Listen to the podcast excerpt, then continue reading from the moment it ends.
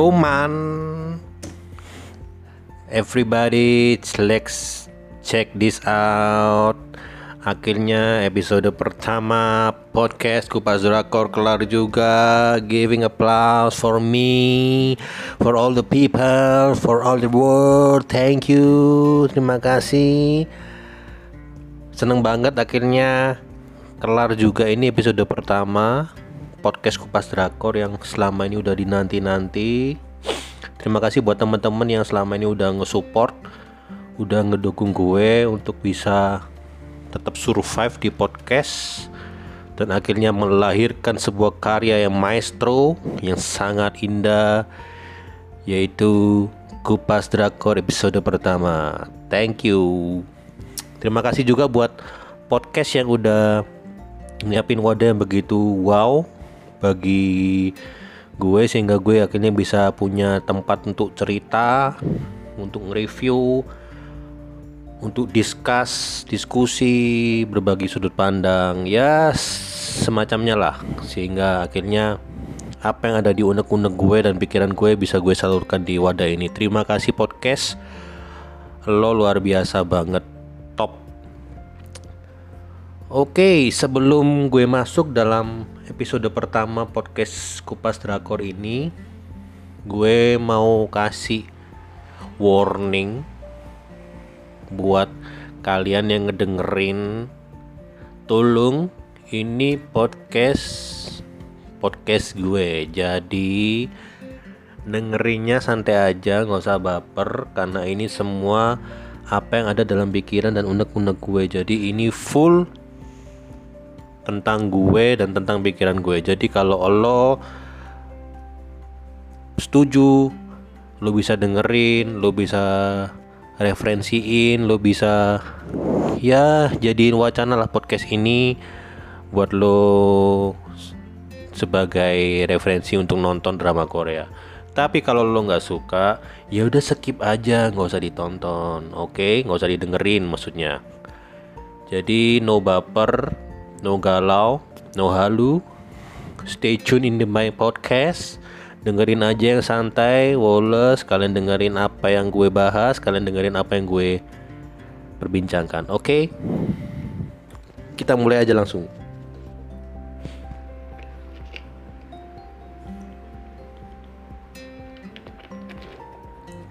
Oke. Okay. Di episode pertama ini gue mau ngebahas tentang drama Korea yang gue tonton. Bukan drama Korea yang baru-baru juga sih. Drama Koreanya ini sekitar bulan Maret 2011. Mungkin ada yang tahu. Ya agak nggak terkenal sih. Kalah sama drama-drama Korea lain kayak Melting Me Softly, Extraordinary You, atau mungkin apa yang terbaru ya? Gue juga udah lupa sih. Tapi ini menurut gue cukup bagus. Jadi akhirnya gue beranikan diri untuk membahas drama Korea yang satu ini. Drama Korea ini berjudul Dr. Prisoner dimintangi oleh Nam Gung Min, Kim Byung Chul, ada Kwonara juga, terus ada Choi Won Young. Gue bacain dulu sinopsisnya. Ini ceritanya tentang perjalanan hidup seorang salah satu dokter terbaik di Korea. Dia itu berarti baik, lembut, tegas terus sesuai SOP jujur ramah tatapan matanya hangat udah idola ibu-ibu banget lah. Nah, namanya Naije yang diperankan oleh Nanggung Min. Itu berjalan terus baik sampai akhirnya dia harus mengalami sebuah kejadian yang bertubi-tubi. Akhirnya dia mengalami fitnah dia mengalami kehilangan orang-orang yang dia cintai dan akhirnya dia dipenjara. Nah, di sini ceritanya mulai berkembang. Tiga tahun setelah dia setelah Naije yang diperankan oleh Nam Gung Min ini keluar dari penjara, cerita ini mulai berkembang menjadi pesat. Di sinilah ceritanya dimulai. Uh, Naije akhirnya memulai petualangannya untuk bisa membalaskan dendamnya kepada orang-orang yang sudah menyakiti orang-orang yang dia sayangin, termasuk dia sendiri. Berbagai cara yang dia lakukan banyak banget dan keren-keren. Uh, yang jadi fokus utamanya di sini adalah si Naije ini dia berambisi untuk bisa menjadi kepala penjara atau kepala dokter di salah satu penjara. Nah, akhirnya di mana dia bergelut di situ akhirnya dia ketemu dengan Kim Byung Chul yang memerankan Seon Min Sik. Nah, Seon Min Sik ini adalah kepala dokter di penjara yang dia ingini untuk dia bisa merebut kekuasaan itu. Nah, di sinilah intrik mulai berjalan. Si Naije dan Sean Min Sik akan terlibat intrik sepanjang cerita berjalan terus. Hmm, itu aja untuk sinopsisnya.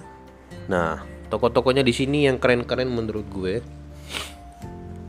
Yang pertama ada si Nam Gung Min sendiri yang sebagai Naiji peran protagonis pertamanya. Di sini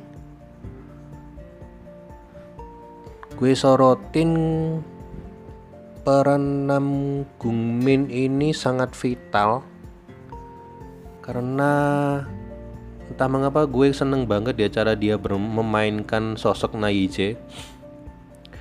Jadi ceritanya Naiji ini awalnya kan memang seorang dokter yang ramah. Ramah banget dia dia ramah banget. Dia terbuka ekstrovert dia bisa senyum bahagia dia bisa kayak mengayomi yang lain gitulah jadi orang-orang suka berada di dekatnya. Nah tapi akhirnya sutradara membuat sosok Naije yang ramah ini berubah menjadi Naije yang dingin dingin banget. Setelah dia selesai keluar dari penjara setelah tiga tahun dia keluar dari penjara dia menjadi sosok dokter yang sangat berubah. Dia udah nggak lagi ramah tertutup. Auranya tuh dark banget. Jadi orang-orang kayak enggan untuk bisa bergaul sama dia gitu. Itu yang dia tampilkan Nah di sini Nanggung Min keren keren banget sih menurut gue karena apa ya dia itu memerankan Naije yang satu dan Naije yang berikutnya itu dengan sangat rapi. Transisinya itu transisi emosinya itu sangat rapi banget sih menurut gue. Lo bisa lihat di episode pertama pada saat Nam Min memerankan Naije yang ramah lo bisa lihat bagaimana Naije di situ bisa tersenyum dengan sangat ramah dan tulus. Lu bisa lihat sendiri waduh. Dia memang malaikatnya ibu-ibu ya. Lu pasti suka banget sih ibu-ibu sama cewek-cewek pasti suka banget kalau lihat Naeji yang di episode pertama itu. Sangat ramah sekali gitu lihat. Dia memerankan dengan begitu apik Namgungin. Nah yang hebatnya transisinya itu dia bawa menjadi Naije yang begitu dingin dan kaku. Tidak terkesan dipaksakan, transisinya tuh dia ubah dengan sedikit sedemikian rupa sehingga Naije yang transformasi ini bisa menjadi sosok yang benar-benar dingin. Uh. Coba kalian lihat kalau pada waktu nanti nonton drakonnya ya. Gimana kalau si so si Nam Gung Min ini memenangkan Naije dia senyum aja jarang. Senyum jarang terus gak banyak ngomong gak banyak yang dia katakan. Kalau dia senyum pun itu senyumnya itu penuh dengan kesinisan dan kecurigaan gitu. Gila luar biasa banget sih apalagi kalau lo lihat ekspresinya Nam Gung Min ya. Wah keren banget keren banget menurut gue. Nam Gung Min bisa memerankan Naiji dengan sangat baik. Cocok banget. Jadi nggak salah kalau Nam Gung Min dipilih sebagai pemeran protagonis utama dari tempat ini karena dia bermain dengan sangat epic sekali. Mantap. Yang kedua yang juga sentral dalam film ini tokoh Sean Min Sik yang diperankan oleh Kim Byung Chul. Uh, dia tokoh antagonis. Semacam second lead lah ya kalian akan nanti akan lihat sendiri ceritanya gimana. Jadi kompleks banget. Yang pasti dia akan menjadi rivalnya Naije sampai pada akhir cerita ini. Dia akan menjadi rivalnya. Keren banget Kim Byung Chul bisa memerankan Sean Min Sik dengan baik. Dia membawa karakter ini dengan sangat emosional. Tatapan matanya juga sangat dalam kata-kata yang diucapkan gestur mimik wajahnya itu juga sangat menghayati sekali bahwa dia itu memang benar-benar seorang yang Sean Min Sik ini seorang yang ambisius banget ambisius banget licik dia rela menggagalkan segala cara untuk bisa mendapatkan apa yang dia inginin tanpa memikirkan orang-orang lain yang gak bersalah. Nah, di sini Kim Byung Sul bisa memerankan dan memainkan karakter itu dengan baik. Lo bisa lihat Sean Min Sik di sini sangat menyebalkan sekali kalau lo lihat film ini ya, lo lihat drama drama Korea ini. Sean Min Sik dari awal sampai akhir, waduh, sangat menyebalkan jadi menurut gue Kim Byung Chul juga sangat berperan besar dalam memerankan tokoh ini dan menghidupkan drama Korea ini. Uh, untuk tokoh wanitanya di sini ada Kwon Nara. Kwon Nara di sini berperan sebagai wah bentar bentar bentar gue agak lupa ini gue catat Konara di sini berperan sebagai dokter juga di kepala di penjara yang sama. Oh, dia berperan sebagai Han Sogem. Dokter pendamping di penjara dia seorang dokter psikiater jadi dia tahu bagaimana keadaan fisik mental dari seorang pasien dari pasien-pasiennya dia tahu dia yang paham obat-obatnya apa jika juga paham dia juga to tokoh dokter yang sangat pintar di sini makanya dia disandingkan bersama Naije dan Sean Min Sik. Konara di sini bermain standar.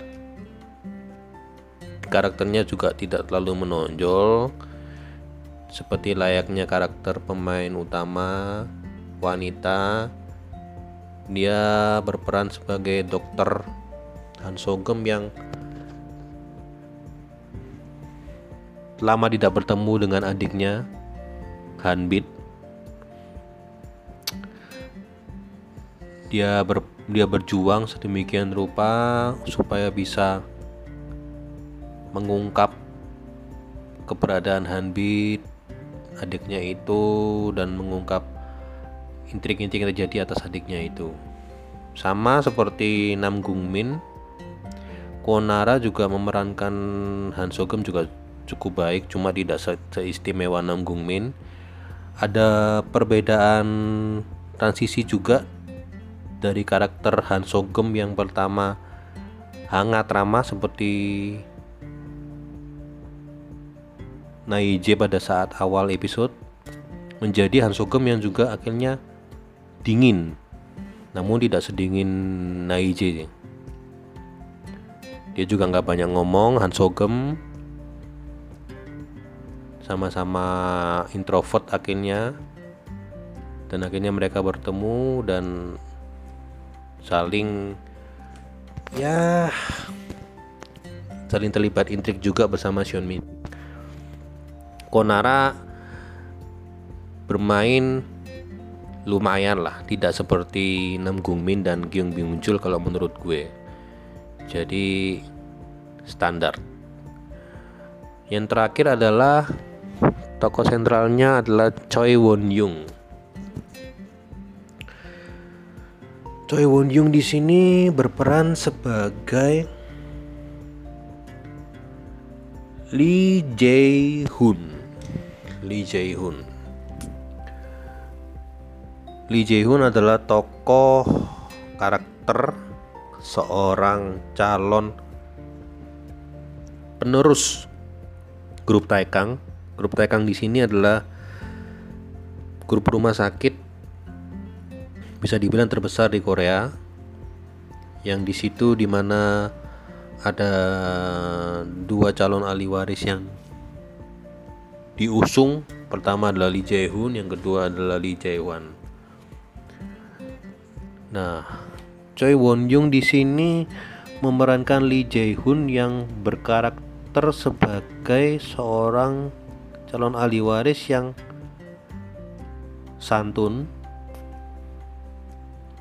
bengis dingin tertutup dan penuh rahasia. Itu sih kalau yang gue dapet dari karakter Lee Jae-jun Lee Jae-hoon.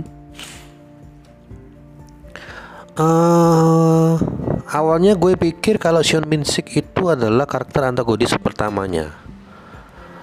Namun ternyata sutradara berkata lain ternyata Lee Jae-hoon yang menjadi antagonis utamanya dan itu kalian bisa lihat di episode-episode pertengahan nanti akan terlihat bahwa diceritakan bahwa Lee Jae-hoon adalah target utama dari Naije sendiri untuk bisa membalaskan dendamnya. Uh, gue agak kecewa sih sama acting dari Choi Woon Young karena gue rasa Choi Won Young di sini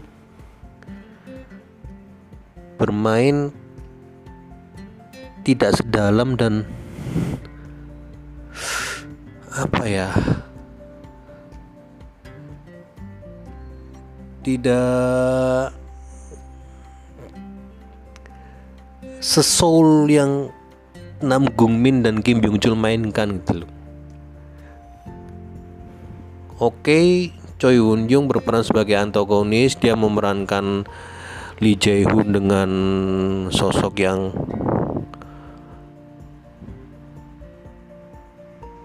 pendiam, introvert, penuh dendam, ambisius juga. Dan itu lu bisa lihat dari kata-kata yang dia lontarkan, intonasi nadanya. Cuma ya standar aja menurut gue. Jadi kayak nggak ada yang spesial gitu. Jadi ya oke dia antagonis cuma ya udah antagonis aja. Nggak ada berkesan nggak bisa memancing emosi yang berlebih dari penonton kalau menurut gue. Bahkan kalau gue boleh ngomong antagonisnya dia itu kalah antagonis sama si Sean Min Sik sendiri. Karena mengapa? Karena bagi gue entah mengapa sosok Lee Jae Hoon sendiri itu dia sebagai antagonis yang notabene notabene sebagai antagonis yang punya kuasa pintar. Dia bisa lakukan apa pun dengan kekuasaannya. Cuma tak mengapa di drama Korea ini Lee Jae Hoon itu kayak bodoh menurut gue. Lu bisa lihat bagaimana dia dipermainkan oleh Naije dan Son Min Sik dalam mengombang-ambingkan keputusannya.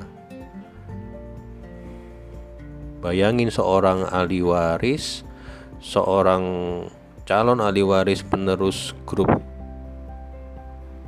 rumah sakit terbesar yang terdidik, pintar, tapi ternyata dia belum bisa menebak jalan pikiran orang gitu. Sayang sekali sih kalau menurut gue Lee Jae Hoon di sini antagonisnya kurang greget dibandingkan Sion Min Sik.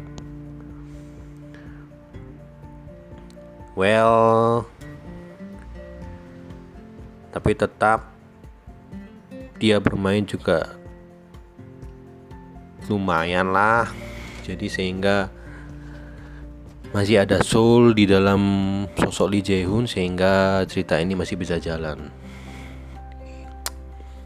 Itu untuk toko empat toko sentral yang udah gue bahas. Oh satu lagi. Satu lagi kita kalian setuju apa enggak? Ada satu peran yaitu Lee Jae Hwan yang diperankan oleh Park Eun Sok gue seneng banget pada saat awal kemunculan dari Lee Jae Hwan ini di mana saat itu dia habis pulang dari Amerika terus dia mengalami kecelakaan.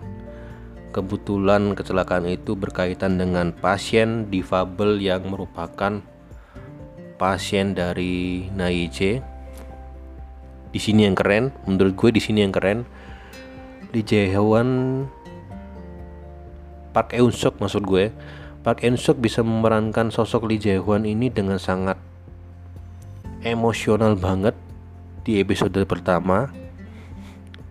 Bagaimana dia marah. Dia menghancurkan mobil. Dia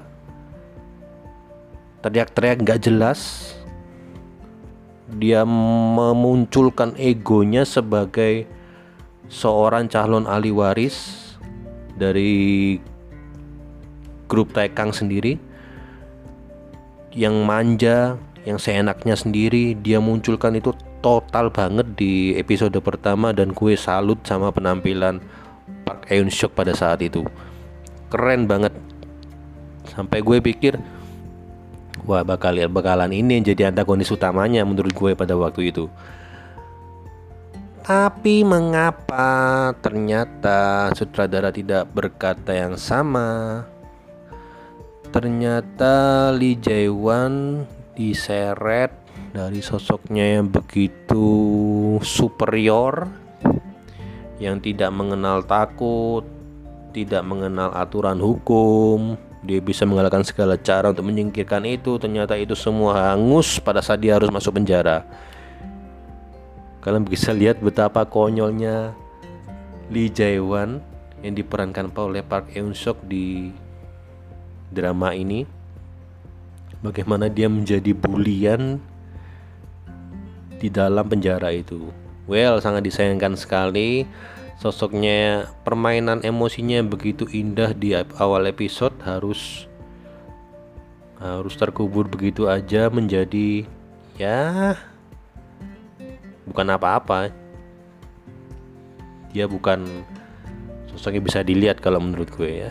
Sayang sekali sih menurut gue sosok Park Eun Sok di sini padahal udah bermain dengan sangat apik di awal episode pertama tapi ternyata di episode-episode berikutnya perannya menjadi tidak semenonjol di awal episode. Sayang sekali. Oke, itu untuk tokoh yang bermain tokoh-tokoh sentral yang bermain di Dr. Prisoner selain ada tokoh-tokoh yang lain mungkin yang juga bermain dengan cukup baik nanti kalian akan lihat sendiri permainannya di dalam drama Korea pada waktu kalian tonton.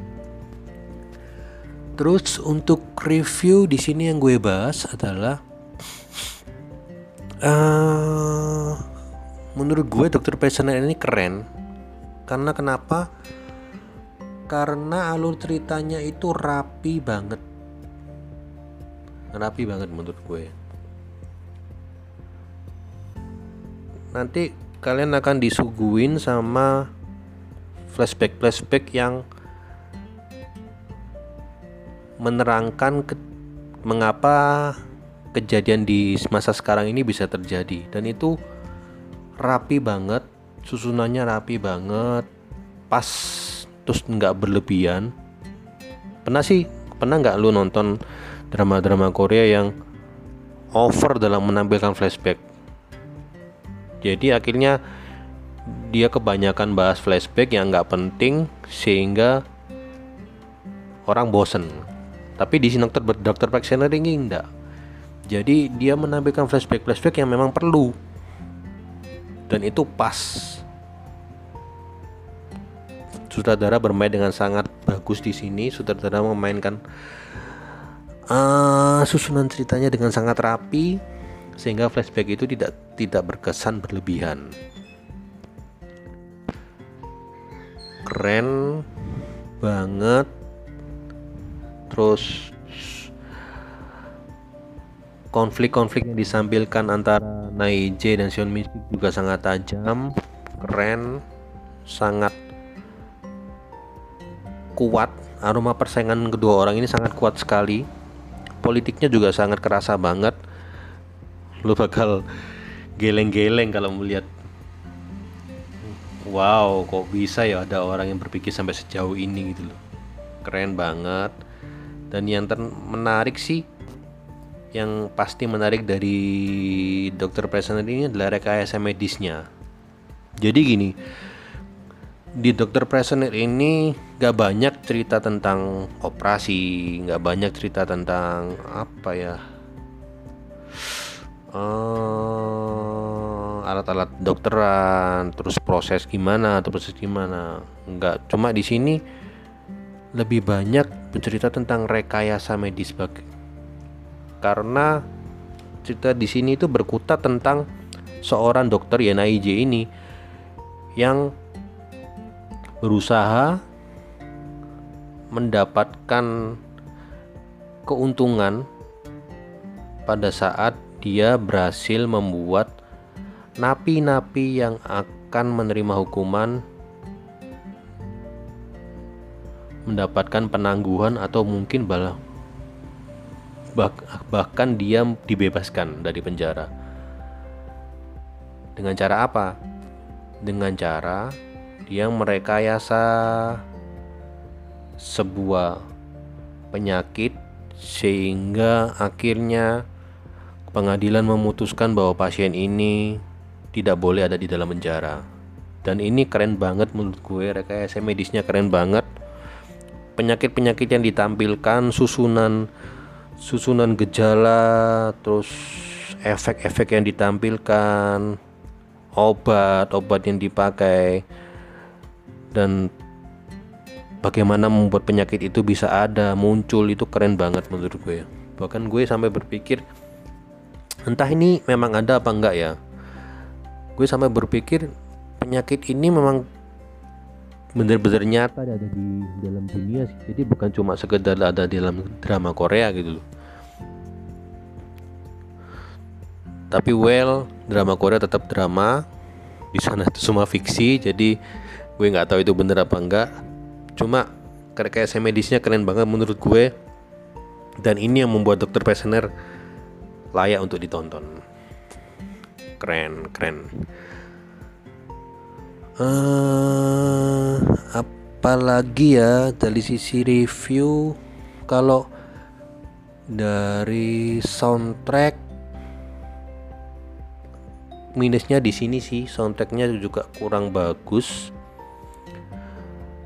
Karena tidak terlalu banyak soundtrack soundtrack yang melekat di hati. Dia Dokter Personal sih lebih ke arah ceritanya sih ya. Jadi hampir di, dia, di episode itu ada intrik ada konflik sehingga kita hanya mikirin intrik itu doang. Tapi emosi dalam musik itu nggak ada. Jadi ya udah kita kita kayak nonton nonton nonton apa ya nonton drama tapi tanpa musik. Tegang. Udah stop di tegang itu aja. Keren. Tapi ya itulah minusnya. Musik dari gue kalau untuk minus sama pengambilan gambar. Pengambilan gambar juga nggak terlalu istimewa. Nggak banyak angle-angle yang diambil. Terus lebih terkesan dark di dalam drama Korea ini karena karena pengambilan gambar lebih banyak diambil di dalam penjara sih ya. Jadi nuansanya gelap banget drama Korea ini jadi kurang cerah. Terus untuk romansa jangan harap kalian bisa nonton dengan baik di sini karena di sini bukan drama percintaan. Di sini tuh drama lo mikir atau politik terus action mind jadi sangat minim sekali romansa bahkan cerita antara Naije dan Han Sogem yang diperankan oleh Konara ini juga romansa yang ditampilkan sangat sedikit sekali. Bahkan mungkin nggak ada ya romansa antara keturunan mereka. Itu sih jadi kalau kalau kalian menggarapkan cerita cinta di drama Korea ini mending nonton drama Korea yang lain. Oke. Kesimpulan gue dari drama Korea ini keren. Dokter pesona ini keren menegangkan seru. Gue bener-bener ngerekomendasiin drama ini sebagai tontonan yang wajib kalian tonton terlepas dari endingnya agak menggantung ya. Tapi dari awal sampai akhir episode dijamin kalian akan puas dengan konflik-konflik dari, dari drama ini. Kalau kalian pecinta drama-drama Korea yang action yang banyak mikir cocok lah kalian lihat ini.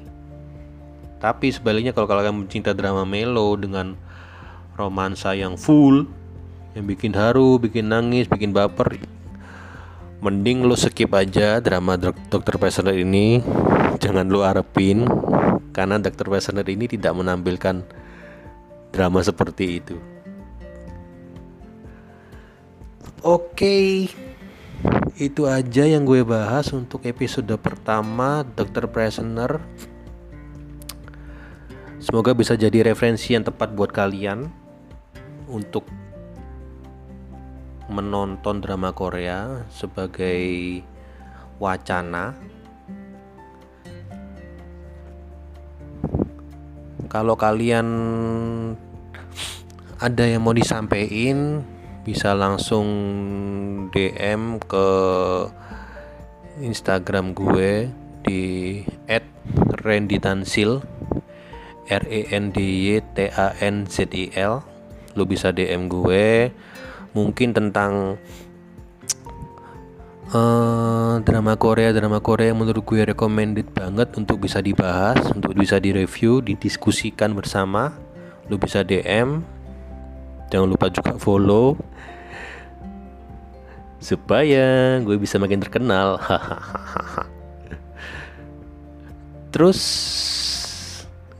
itu aja. Jangan lupa follow instagram gue kalau kalian mau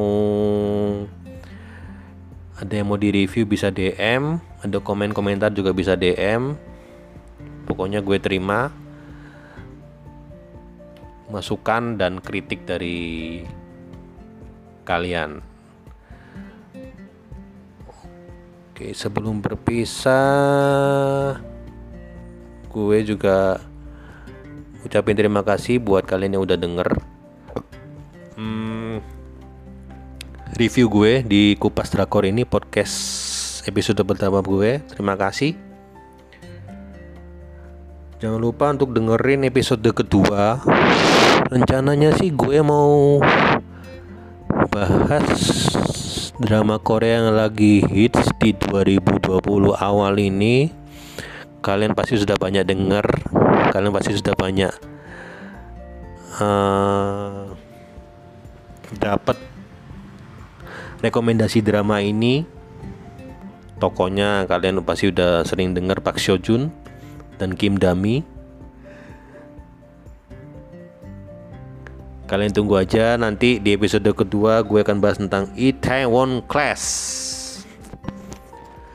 Jadi stay tune, tetap terus dengerin podcast Kupas Drakor bersama gue Randy Tansil. Terima kasih dan 안녕하세요.